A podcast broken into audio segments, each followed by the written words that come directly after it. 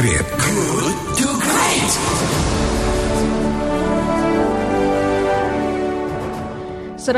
satu Kilat FM Bandung Inspiring Sound. Terima kasih sahabat Kilat Anda masih bersama dengan kami di Good to Great because good is the enemy of great. Dan tiba saatnya saya Aska Said akan mengajak Anda untuk berdiskusi dan tema diskusi yang kami angkat pagi hari ini adalah di tengah keterbatasan alat dan SDM dalam darurat corona, Kenapa sosok anak negeri seperti Santo Purnama yang merupakan penemu alat tes COVID-19 tidak segera dirangkul oleh pemerintah untuk mengatasi pandemi corona?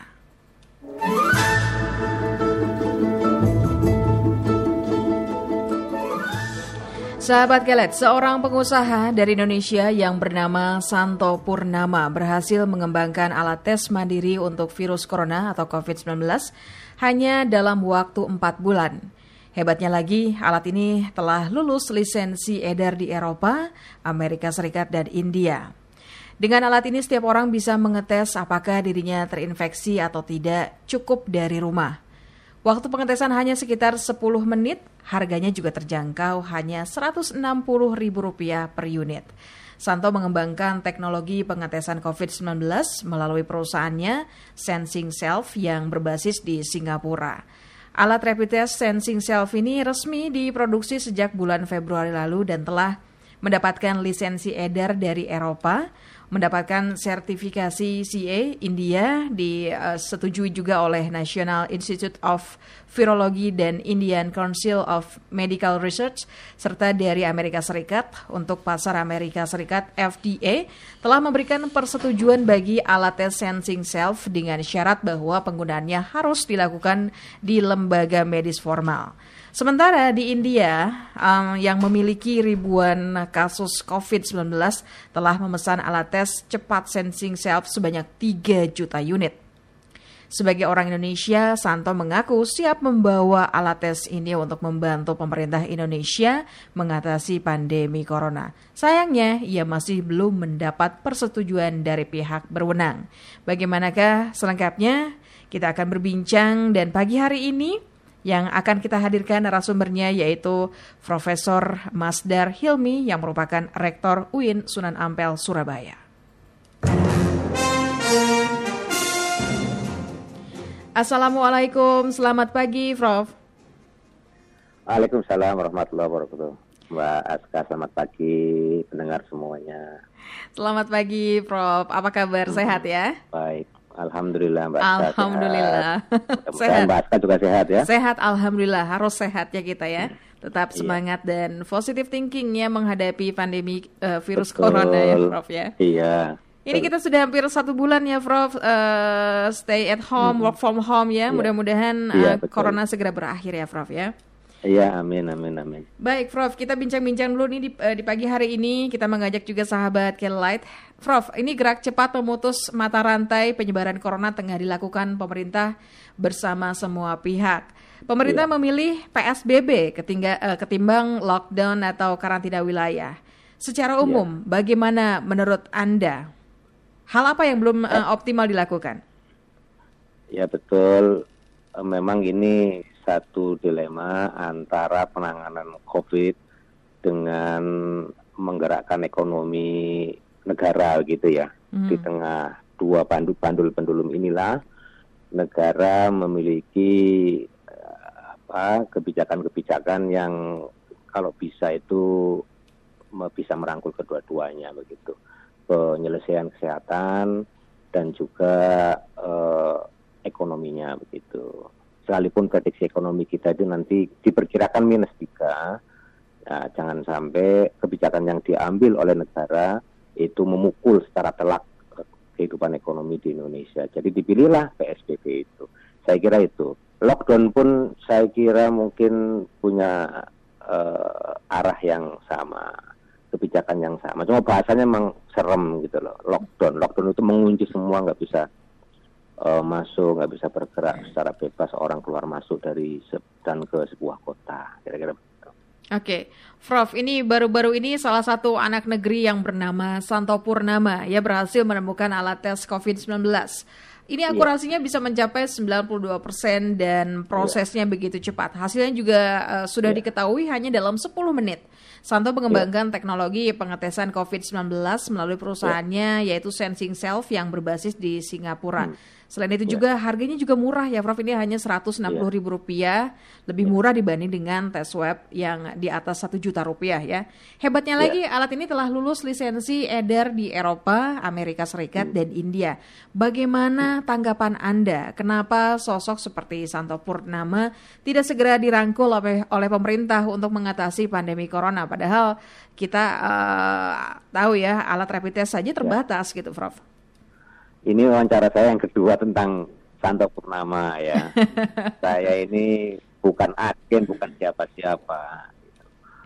Ya, kalau menurut saya negara harus cepat merangkul beliau supaya apa namanya bisa diterapkanlah kebijakan-kebijakan tes karena setiap hari itu yang ODP itu kan bergerak merangkak ke arah e, ribuan begitu ya sekarang sudah di atas 4.000 begitu. Jadi menurut saya akan lebih baik. Mudah-mudahan ada yang mendengar uh, pengambil kebijakan ya supaya ini produk anak negeri sekaligus mempromosikan ini ke pentas internasional begitu. Apalagi kan harganya juga murah. Hmm. Ini Baik. saya ngomong seperti ini nggak dapat apa-apa begitu. Iya, Prof. Uh, menurut Anda, apa yang Anda lihat ini apa pertimbangan pemerintah yang membuat uh, Santo Purnama hingga saat ini belum mendapatkan persetujuan dari pihak berwenang? Apa ya? Nggak ngerti saya ini. Apa? Mungkin ada kecurigaan-kecurigaan tertentu begitu di balik apa sikap pemerintah.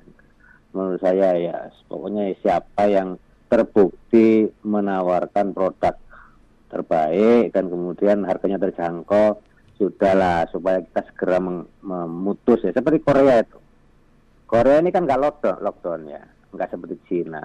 Cina itu lockdown dan itu sampai 70 hari. Bayangkan coba lockdown 70 hari. Nah Korea memilih tidak lockdown tetapi setiap hari itu belasan ribu yang dites Nah, apalagi saya dengar tadi kan India 3 juta beli. Hmm. Ya kan? Kenapa kita nggak segera bergerak melangkah untuk segera menemukan tes yang paling cepat dan itu menurut saya itu Santo itu menawarkan ya produk yang menurut saya itu uh, bisa dibeli lah oleh negara gitu. Mudah-mudahan ini otoritas pengambil kebijakan segera melangkah, segera mengambil kebijakan sudahlah.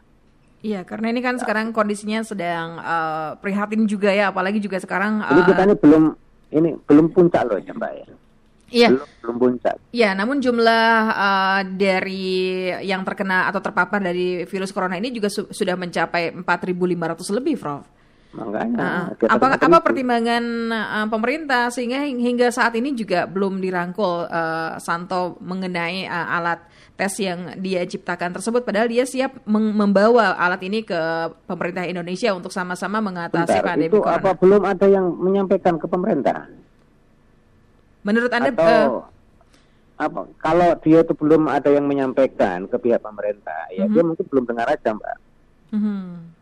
Tapi kalau misalnya dia sudah mengajukan ke penawaran ya ke pemerintah, hmm. kemudian pemerintah belum mengambil kebijakan. Nah ini yang menurut saya itu kebangetan gitu. Baik. Tapi kalau misalnya uh, ada orang yang menyampaikan itu ke pemerintah, oh ini ada produk baik, yang murah. Nah, gitu. Oke, okay. ya, Prof. Menurut Anda siapa yang mestinya mengorkestrasi temuan-temuan anak negeri sehingga betul-betul uh, kolaborasi bersama ini bisa lebih optimal sehingga adanya Santo Purnama Santo Purnama mampu bersatu padu dan bahu membahu untuk segera perang melawan waktu dalam mengatasi wabah corona. Ya pemerintah kemudian juga eh, lembaga-lembaga profesional ya seperti ikatan dokter kemudian juga apoteker dan semacamnya itu yang mestinya mempromosikan orang-orang seperti Purnama dan juga negara-negara juga pihak-pihak yang memberikan uh, insentif untuk penelitian ya untuk pengembangan alat-alat kesehatan ya ya seperti Kementerian Kesehatan mestinya ini yang uh, di, di garda depan untuk uh, semacam talent talent scouting ya, mengidentifikasi potensi-potensi dan juga eh, apa namanya kecerdasan-kecerdasan negeri supaya tidak terjadi apa yang disebut sebagai brain drain. Brain drain itu adalah mengalirnya kecerdasan anak negeri ke negara lain karena di sana dihargai lebih banyak daripada di Indonesia, kira-kira gitu. Oke, yang terakhir, Prof, menurut Anda ini masukan dan harapan uh, pada pemerintah untuk lebih merangkul anak-anak negeri yang berpotensi. Silakan, Prof. Ya, harapan saya pemerintah membuka diri seluas-luasnya kepada pihak-pihak yang memiliki otoritas ataupun memiliki keahlian di bidang penanganan COVID ini dalam rangka mengidentifikasi dan menemukan alat-alat atau instrumen-instrumen pengetesan dan juga pencegahan penyebaran COVID. Nah, salah satu yang alternatif yang mungkin bisa dipertimbangkan uh, adalah Santo Purnama ini. Ini yang yang pertama. Kemudian yang kedua uh, supaya negara lebih proaktif lagi di dalam uh, apa yang saya sebut tadi sebagai talent scouting yaitu mengidentifikasi uh, potensi-potensi kecerdasan-kecerdasan anak negeri yang bisa memberikan sumbangsih kemanusiaan kepada negara ini ya supaya tidak uh, lari ke negara lain. Baik, baik. Terima kasih Prof sudah mau berbincang Sama-sama, bersama dengan kami. Mudah-mudahan ya, nanti kita ya. punya kesempatan di waktu berikutnya untuk berbincang-bincang ya. lagi ya Prof ya. Amin amin ya. Ya, selamat pagi, saya. sukses dan sehat selamat untuk Anda. Pagi. Ya, sahabat, kira demikian perbincangan kita bersama dengan Profesor Masdar Hilmi selaku Rektor UIN Sunan Ampel, Surabaya.